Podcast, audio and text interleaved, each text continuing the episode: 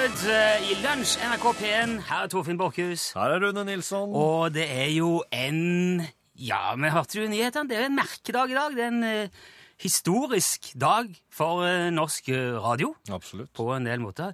Men det er jo langt ifra første gangen vi skriver norsk radiohistorie, altså. Hermed erklærer jeg Oslo kringkastingsstasjon åpnet for regulær drift og ønsker så vel lyttere som aksjonærer til lykke. I 1925 åpna direktør Skottum Kringkastingsselskapets regulære radiosendinger i Norge etter to år med prøvesendinger. Det varte helt fram til 1933, da Norsk Rikskringkasting fikk monopol på radio i Norge. Og da vokste radioen fort. Innen 1940 kunne mer enn halvparten av innbyggerne i landet ta inn NRK på AM-radioene sine. FM var fortsatt helt ukjent for de aller fleste. Nå vil jeg si at En av de aller første forutsetningene for å lytte er at man har en mottaker. Ja, unnskyld. Men det er altså faktisk mange mennesker som har noen lamper og greier som så å si er knyttet sammen med noen ledninger. AM, eller amplitudemodulert radio, er veldig sårbar for støy. Alt fra toglinje til lyspære kunne forstyrre sendingene, og kravene til utstyr var på ingen måte mindre enn de er i dag. Så er noe av det aller viktigste det som så ofte mest eh, blir syndet imot, nemlig antennen. Kabinettet er av tre og gir derfor bedre lydkvalitet. Ja, det er et herlig apparat. Vi fikk faktisk ikke FM-radio i Norge før i 1954, men da kunne nordmennene nyte støyfrie sendinger med langt bedre lydkvalitet enn før. Voss har fått den første meterbølgesenderen her i landet. En med dette begynner med en ny kringkastingsteknikk, med det en nytter mye kortere bølger enn vanlig. Denne nye måten blir kalt frekvensmodulering.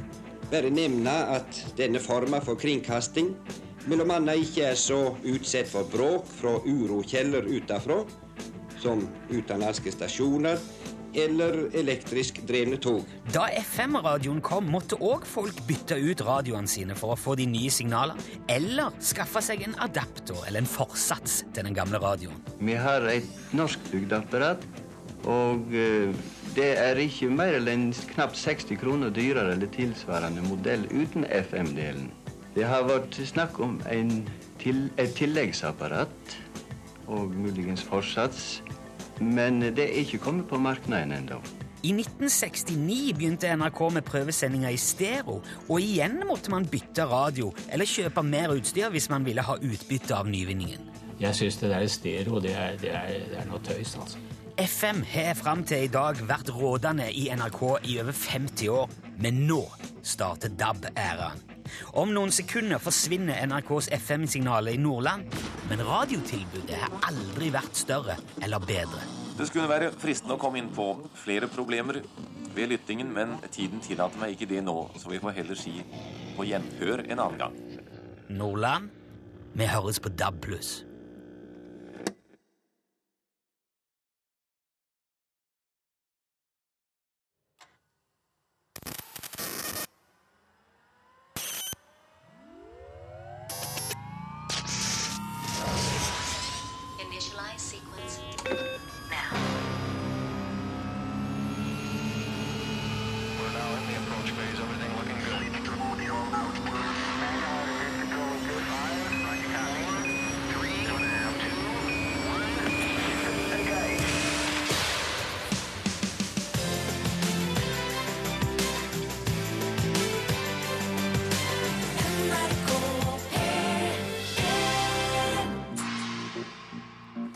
Du Shirley Bassey og Propellerhead sammen. History repeating. Og det var jo det som skjedde. Det var bare historien som gjentok seg. Slo av nok et format. Begynte på et nytt. Um, det var, jeg, jeg, jeg tenker, tenker meg at det er, det er sikkert en del av dere som, som uh, Dere hører meg kanskje ikke noen gang. Dere som, um, som, er, som var på F, er på FM. Men uh, jeg vil bare si at uh, det var en, det var en Dere mulig har det litt spesielt nå, men jeg hadde en veldig spesiell morgen. For at i, jeg har klukkeradio. Ja, men Og den har jeg sett på Der hører jeg på alltid klassisk, jeg. Ja, ja, ja. Ja, Det så jeg våkner av Ravel, for eksempel. Chopin, For eksempel. Mozart Ja, ja, ja. Jeg heter kanskje Mozart. Grier. Ja. Men du Og- visste jo òg at du måtte, du måtte gjøre sånn kanalsøk i morges. Alt er jo flytta i dag. Ja, på DAB-en, men han, den han, han kan ikke han kan ikke gjøre et kanalsøk før han har våkna. Hvis du la det etter tolv, tror jeg du kunne gjort det. Ja, men nei, så lenge kan jeg ikke være oppe, nei. Nei, nei, nei. nei, så, ja. Så eh, i dag eh, tidlig så ble det altså vekka av den verste, verste lyden som eh, menneskeheten noen gang har funnet opp. Åh? Jeg våkna av eh, For at når, når eh, klukkeradioen min starta i dag tidlig, så skrur han seg på, og så ser han at ja, nå skal, han, nå skal personen vekkes her. Ja. Og OK, vedkommende vil ha den der, der eh, radiostasjonen til å vekke seg. Men den radiostasjonen finner jeg ikke akkurat nå, tenker klukkeradioen. Nei. Da tenker jeg at jeg heller setter på ei slags sirene. Åh. Et slags døds... så klokka hadde jo merka at det ikke var noe der. Den skjønte at her er det ingenting nå. Og da må jeg jo finne på noe annet for at den personen som en gang i tida har kjøpt meg, skal få valuta for pengene og våkne. Jeg setter på et slags, døds, et slags dødsrop. Et teknologisk eh, skrik som, eh, som kan drepe et menneske hvis du er litt sånn eh, frynsete. Er det, Det- det, det, Du fikk ikke tatt det opp? du fikk ikke tatt det opp, da. Jeg fikk, jeg, jeg fikk ikke til noen ting, jeg. Når den der satte i gang i dag tidlig, så var det nesten så jeg tok og avliva hele familien min kollektivt og sa nå er det slutt på alt. Okay. Eh, nå kan vi ikke leve lenger. Jeg var, og, så når jeg fikk skrudd av det der, så skjønte jeg å ja, det er den dagen i dag. Ja. Stemmer det. Og jeg går ut på kjøkkenet, ikke sant? Nei, radioen der skjønner jo heller ingenting. Og det er nytt kanalsøk, og ja. Men da kommer de jo. Nytt kanalsøk, så kommer de, ja da, de, de dukker jo opp, men altså, jeg har jo, jeg har liksom bruksanvisningene i ei skuffe en plass. Så det er jo litt sånn at jeg må jo, jeg må jo på en måte prøve å finne ut av meg sjøl hvordan får den radioen her til å søke. Det er ikke lett det på mange av de der eh, dabbene. Altså. Klukkeradioen var veldig tungvint på, Ja, iallfall. ja. Det skal han ha. Den på kjøkkenet var grei. Det var greit. Det er en av de første tingene i menyen, det er så store autosøk. Men jeg tror kanskje den klokkeradioen er Kanskje de er smartere enn vi tror, de DAB-radioene. Og så når han eh, våkner til avtalt tid av Ja. og skal til å spille radio og hører at det er ingenting, Mm. så får han panikk, og så tenker han å nei, nå har de funnet et nytt format allerede. Ja. Jeg er avleggs, jeg òg! Ja. Jeg har jo knapt begynt! Og så er det frykten som kom ut, da. Ja, det er nesten så Klukkeradioen vurderte sikkert å ta sitt eget liv eh, i dag tidlig, men eh, han valgte å sette på en slags sirene i stedet. Prøvde å ta ditt heller. Ja. Jeg er glad du har kommet deg, at det går greit. Takk for deg. Ja, det går fint. det. Ikke så Hvor mange ganger skal du ha det? Tenkte jeg skulle bare Ja, det er mulig at Du er ikke mikrofon, du. Jeg har den hit over, jeg. Utslagsnes Transport og Skarv, vær så god. Se, Siri, vet du, vet hva hun skal si. Hallo. Hei, hei, Rune. Hei, Siri. Hvordan står det Hei. til? Jo, bare bra. Godt nytt år. I like måte. Sæbøvågen er ikke i, eh, i Nordland? Nei, Nei. det er det ikke. Så da er du eh, safe eh, for now?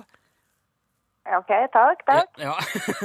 det var, det, var, veldig imponerende. Du tok, eh, det var ikke tvil om du, hvilket sentralbord du jobber for. Nei, nei, nei, nei, nei. Eh, Nei, Her var vi på. ja. Hva, hva drev du med når det ringte her? Eh, Akkurat nå så skulle jeg egentlig ringe opp eh, en slektning. Ja, se det. Vi skal ha slektsstevne til sommeren. Å, du du òg?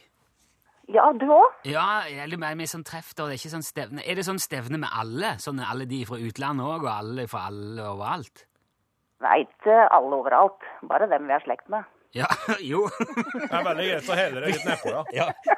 ja jeg syns det er fint å holde slektsstevne innen slekta, innen familien. Ja, Ja. ja det er det. Det er hvert femte år. Sitter du Å ja, ja, for da er det litt sånn utvida Er det sånn Da kommer det en del folk Ja, det er etter, etter mine oldeforeldre. Ja. Er det en del folk der som du ikke kjenner òg, da? Ja, det er jo det, vet du. Ja, og så er det jo nye som kommer til, og så er det noen som dessverre faller fra. Og så Ja. sitter jeg akkurat og driver med slektstre og skal oppdatere det. Ja, nettopp. Er du sånn Så det er eh, liksom, jeg er i komiteen i år, jeg da. Du er komiteen? Slektsforsker i komité. Ja. Ja, men Veldig bra. Men vet du hva, nå har jo du sikra deg ei nydelig UTS-snipplue som du kan eh, ha når våren kommer og du flytter alle papirene og slektstreet ut på terrassen og sitter i solgangsbrisen og drikker te og fører opp slektninger. Eh, spørsmålet er jo bare hva slags eh, farge du vil ha på den. Det er det eneste som står igjen nå. Det, da tror jeg jeg vil ha en svart. En svart! Ja, takk. Du sier du er sikker på at du ikke bare vil si her og nå på Riksdekkende radio hvem som skal komme og hvor de skal møte seg til sommer, så slipper du å ringe alle.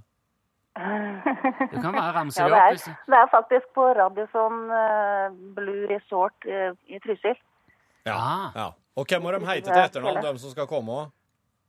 Og det er mange, det. Nå, ja, det er OK. Mm. Ja, det er mange, det. Ja, men hvis du, hvis du vet av Siri Ja. og er klar over hva dette går i, så vet du nå at det er Radisson der. Ja, trusel. Gratulerer, Siri. Tusen takk for at du meldte deg på. Lykke til med planlegginga. Jo, takk for det. Ha det bra! Ha det bra. Ha det. Ha det.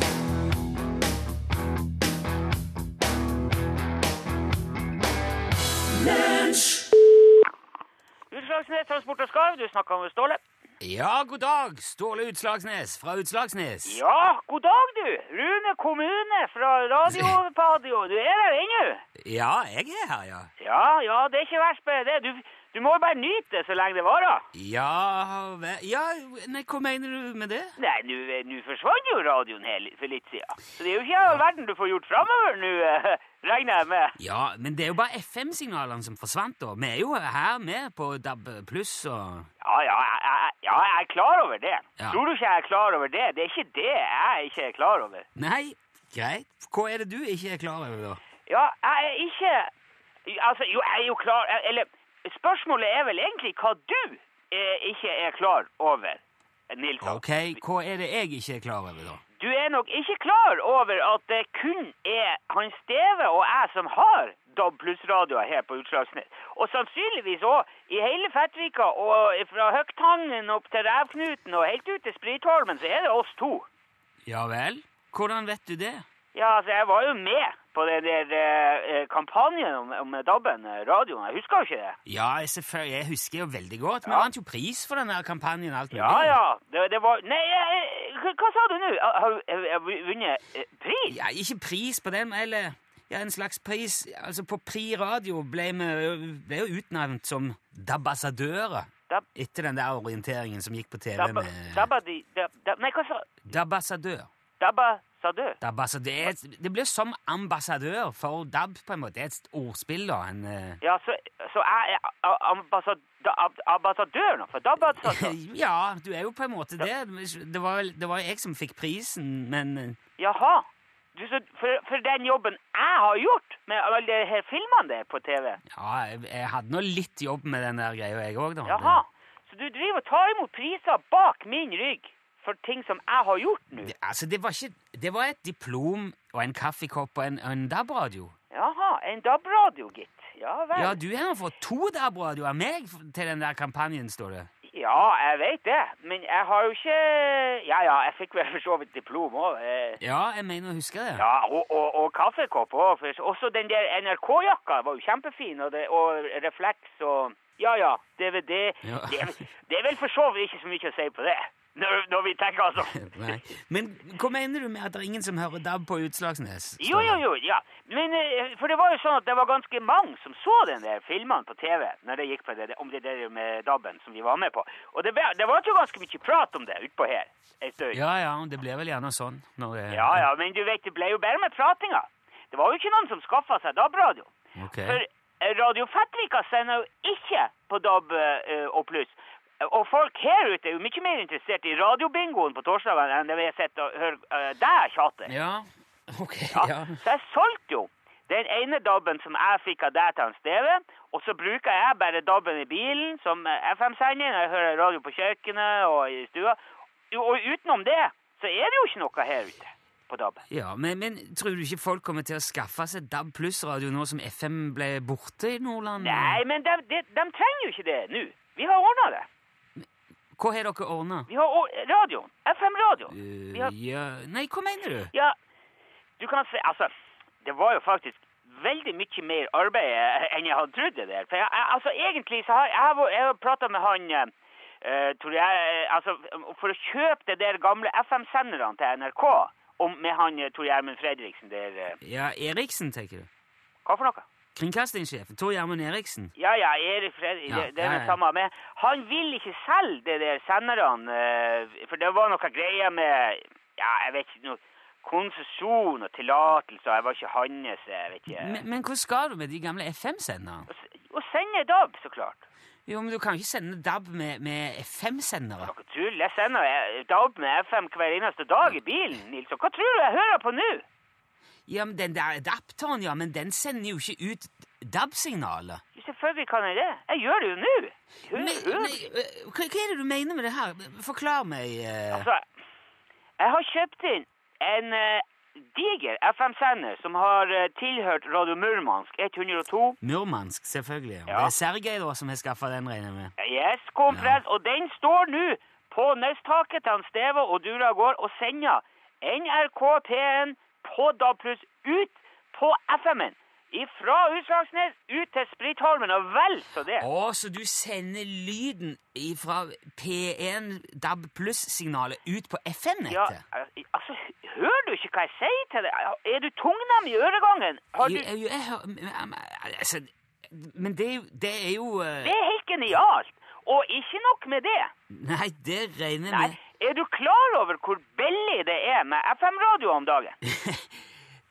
Nei. Hvor billig er det med FM-radio om dagen? Det er spinn hakke gratis, Nilsson. Ja. Ja, så nå til helga skal jeg ha en steve til Bodø, og så skal vi hente tonnevis med FM-radioer som folk ikke tror at de trenger lenger, for de har kjøpt av pluss. Og så skal vi ha radiomarked i Fettvika på søndagen. ja, Du fornekter jeg ikke, Ståle. Ja, og de radioene vi ikke får solgt, vet du hva vi gjør med dem? Nei, fortell. De selger vi i Troms og Finnmark, for der slokkes ikke FM-en før i desember. Men dette, det er helt på grensa, dette her, Ståle. På grensa er det jo ikke noe problem, for da får du jo både svensk og russisk FM-radio hele dagen. Det er ikke den grensa jeg snakker om. Jeg snakker om mer den moralske grensa. Ja, ja, ja. Hva det er? Grensa til Moralia? Nei. Nei, jeg bare skreier men Moralia er jo ikke noe land. Men det er ikke noe fare, Nilsson. Det er, helt, det er ærlig og redelig, dette her. Det, det er ryddig. Ja, jeg, hører du sier det, men jeg, jeg, jeg er ikke helt overbevist. Han Sergej har en sender til på hånd. Eh, fra kontakt med en sånn tidligere major i St. Petersburg. Det er en skikkelig sånn monsterantenne som militæret har brukt til å spionere på Finland. Og den skal vi ha opp i Alta i god tid før FM-en ryker i, i, i Troms og Finnmark. Og da kommer de gamle FM-radioene til å funke som bare det. Så du, så du skal drifte ditt eget FM-sendenettverk framover nå, med, med gammelt russisk utstyr som du har kjøpt på svartebørs? Ja, altså nå sier du det igjen som det skulle vært noe negativt. For all del, så lenge du, hvis du sender NRK P1 på dette her greiene dine, så skal jeg vel for så vidt ikke jeg noe å klage på. Det, Nei, det, det er ikke sant. Det kan du se. Du burde jo faktisk si tusen hjertelig takk. Ja, jeg tror heller jeg sier lykke til, eller, for, for jeg, jeg syns det lukter bråk av dette her, lang vei. Det lukter penger og gamle FM-radioer lang vei, Nilsson. Det blir et eventyr. Det blir et radioeventyr. Ja. Nei, vi får, nå, vi får nå se på det. Du skal ha takk for praten i hvert fall, Ståle. Den er god. Vi prates plutselig. Ja, ha det bra. Hei. Hei nå. Hei nu, Ja, ja. Hei.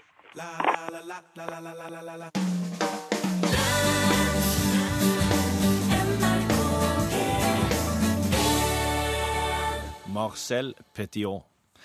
Han ble født eh, den 17. januar i 1897 Marcel Petiot. i Auxerre i Frankrike. Aha. Og han var visst litt uh, uregjerlig i ungdommen, han uh, Marcel. Han ble utvist fra skolen en del ganger, og en psykiater diagnostiserte han rett og slett som psykisk syk eh, i 1914. Og under første verdenskrig så verva Petiot seg frivillig for den franske hæren. Ja. Der ble han under krigen, første verdenskrig så ble han såra og gassa, og han eh, og, Altså, det, det må jo være forferdelig. Han, eh, han ble da lagt inn eh, med slags, noe sånn psykisk sammenbrudd. Han var ikke fysisk skada, men det var han ikke helt greit til. Og ja, han var utsatt for gass i, i, I krigen, i, i, krigen, ja. Mm. Ja. Så han ble sendt til ulike sånne hvileheim, der han i sin tur ble arrestert for å ha stole hærens tepper, stole morfin og stole andre militære forsyninger. Uff da. Mm. Samt lommebøk, bilder og brev fra andre såra medpasienter. Er det snakk om altså, en kleptoman? Ja, det kan nok minne om det. Han ble sendt ut i felten igjen, og, og så fikk, men han fikk en ny diagnose etter at han ble såra av en granat. Og da, eh, da fikk han en sånn eh, ordførerpensjon, krigsordførerpensjon. Ja.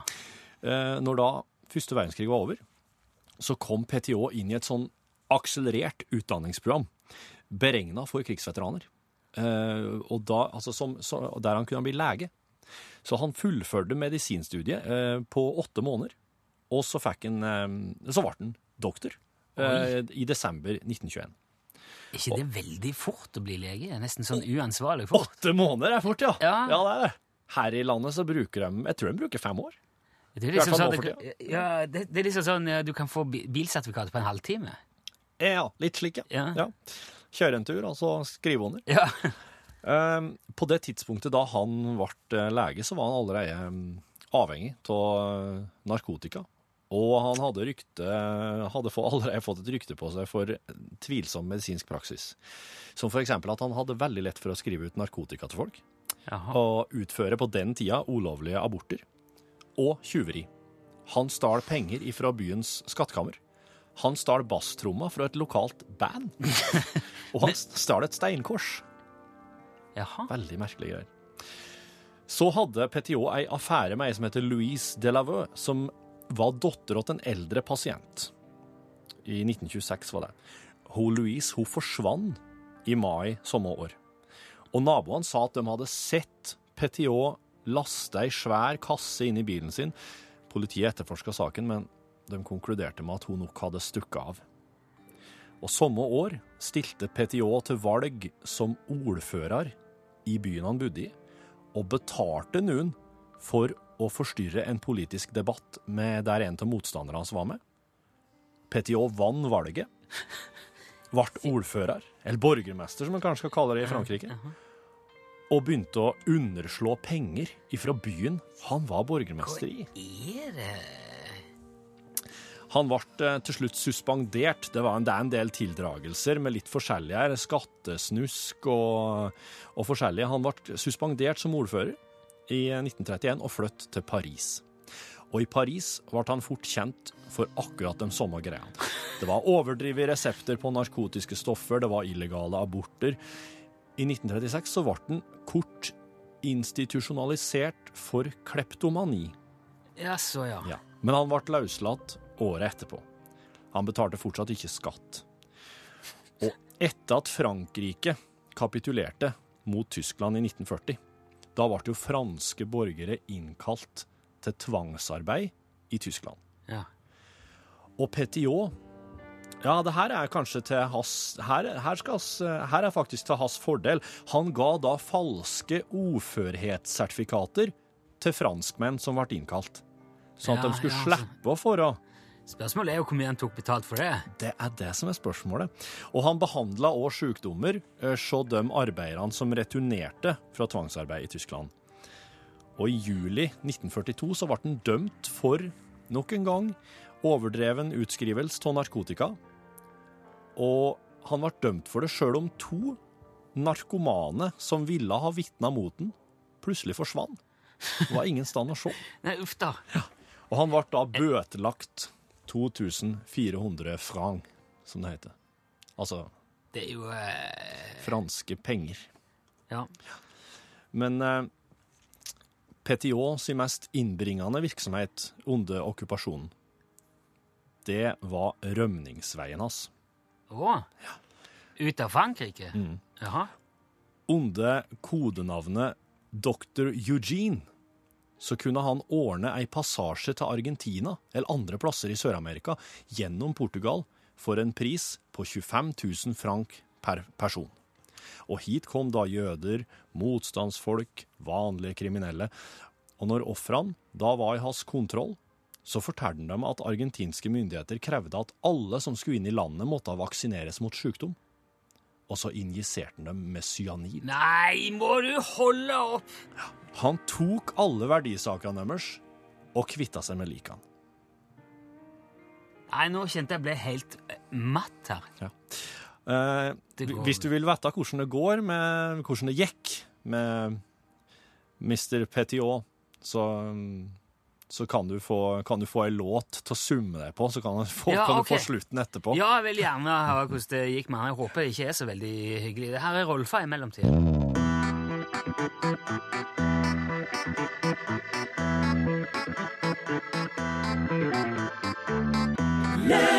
Ja, er du med, Rolfa? Torfinn, er du med fortsatt? Hvis jeg er med, ja. Jeg, Ja, jeg sitter jo her. ja, Det er jeg veldig glad for, for jeg er veldig spent på eh, på- Poirot Nei, hva var det? Petit. Petit. Petit. Petit. Petiot. Ja, um, Men altså, han var jo det, det, det må jo være noe av det nedrigste og verste og grusomste jeg kan forestille meg. Jo, jeg skal redde deg for krigen. Ah, nei, gjør det ikke. Dreper deg heller. Altså, tar alle tingene dine. Han er verre enn nazistene. Han er verre. Ja, jeg, jeg, jeg vil ja, ja. sammenligne den med, med dem som driver og, og bå, båter folk over Middelhavet i, i dag. Ifra Jeg vil si det er verre. Ja, si det er mye verre. De, de kjører ikke cyanid i det der som de kjører over Middelhavet. med Nei, seg. men det er nå et kalkulert svinn der, og de får nå betalt på forhånd. Ja. Uh, Iallfall. Han sa jo at han, skulle, at han eh, kunne gi folk eh, fritt leide ut fra det kapitulerte Frankrike Ja, ja. og til Latin-Amerika. Og uh, det, når, han hadde, når han hadde drept dem, så dumpa han da likene i seinen først. Men etter hvert Kom ikke lenger enn til seinen heller. Nei. etter hvert så øyla han eh, bare kroppene ved å senke dem i kalk eller brenne dem med å kvitte seg med likene. Og etter klager ifra folk over en sånn forferdelig stank og store mengder røyk fra ei pipe i et hus i Rue Les Sueur, så tilkalte politiet brannmenn, for de trodde at det var pipebrann. Og da kom altså brannfolkene inn i huset og fant ei utrolig hissig brann i en sånn koleovn i kjelleren, sånn sentralfyr. Og i ovnen og spredd rundt i huset ellers så var det menneskelevninger. Og det huset her var da PTO sitt. Uh, I løpet av de neste månedene, sju månedene, så gjemte PTO seg. Se venner, han hadde venner, tror det eller ei. Han betalte de sikkert godt, vet du. Mulig det. Han lot skjegget gro, og han tok litt forskjellige aliaser. Og Nå ble jeg frista til å si at, at det er jeg som er Nei, jeg skal ikke, skal ikke dra svar. Jeg vet at du ikke hadde holdt ut siden 14. Jeg var- Under, også, men da, altså nå tar jo krigen slutt, eh, og under frigjøringa av Paris, så tok da Petiot navnet eh, Henri Valery, Henry Valery, og slutta seg til de franske innenriksstyrkene. Han ble kaptein i de franske innenriksstyrkene med ansvar for kontraspionasje og avhøring av krigsfanger. Og så nå jobber han altså i, i politiet. Altså etter krigen i Frankrike. Altså dem som på en måte har, skal stille folk for krigsrett og Så han er egentlig på jakt til seg sjøl, da? Ja, han er det. Og, men så skjer det da at eh, avisa Resistance i Paris de skriver en artikkel om Petiot, for han er jo forsvunnet. De leter jo etter ham. De skriver en artikkel om han. Og da, når den artikkelen står på trykk, så får forsvarsadvokaten til Petiot ifra den, ifra den narkotikasaken der han ble dømt, men der to vitner forsvant, Ja. som du kanskje husker. Ja. Forsvarsadvokaten hans får et brev fra Petiot, da, som hevder at beskyldningene bare er løgn, og da skjønner jo politiet at Petiot, han er fortsatt i Paris, Ja, han. ja, han leser avisa. Han leser avisa, Ja. Og da begynner letinga på nytt, og da blir jo Petiot, eh, som nå heter Henry Valerie, og blant dem som blir innkalt for å finne seg sjøl. Han er med å jakte på seg sjøl her. Og den 31. oktober så blir Petiot gjenkjent på en T-banestasjon og arrestert. Og på seg hadde han en pistol, eh, nesten 32 000 franc, og 50 sett med identitetspapirer. Han har 50 forskjellige identiteter nå. Petiot hevda at han var uskyldig, at han bare hadde drept venner av Frankrike. Han sa han var medlem av et stort motstandsnettverk, men politiet finner ingen venner av han i eksisterende motstandsgrupper. Og noen av motstandsgrupper han driver og prater om, har jo aldri eksistert engang. Det var ingen bevis for noen av hans påståtte bragder, da. Aktoratet anklager han til slutt for minst 27 drap for profitt. Og de estimerte at gevinsten av krigsfor krigsforbrytelsene kom på 200 millioner frank. Inn i 40-årene, liksom. I 40, ja, i 40 Ja, ja. Han gikk for retten da, den 19. mars 1946 og ble dømt for 26 tilfeller av drap og dømt til døden. Og den 25. mai 1946 så ble han halshogd etter noen dagers forsinkelse pga. et problem med utløsermekanismen på giljotin. Giljotin, ja. Han altså, det var intens mediedekning over hele Europa. Han ble kalt slakteren fra Paris, skalper, skalpereren fra Etoi, eh, monsteret fra Lou Lesor og doktor Satan. Men han var jo òg lege, borgermester og politikaptein. Det er ingen grunn til å anta at folk som oppsøker maktposisjoner, er bra folk heller. Nei, Automatisk. nå skal jeg, ikke, nå skal jeg bare veie mine ord nøye, men nei, det er det virkelig ikke. Heller ikke i moderne tid. Nei.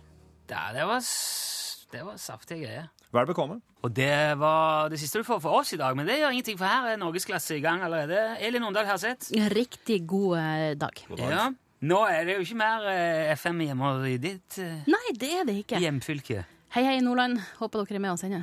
Ja, Rett og slett. jeg blir nok alene i dag. Ja, da er litt sånn alene hjemmesending, kanskje. Nei, men eh, em, eh, vi skal nå snakke, og vi skal snakke om hvordan eh, katter og mennesker snakker i lag. Det, Det- er helt sant. Nei, Altså- det er ikke det. Katter snakker Sier det de vil, og skal ha det sånn de vil, og de driter i hva du sier. Mm. Ja, det er Samme- mulig du har rett i det. Ja.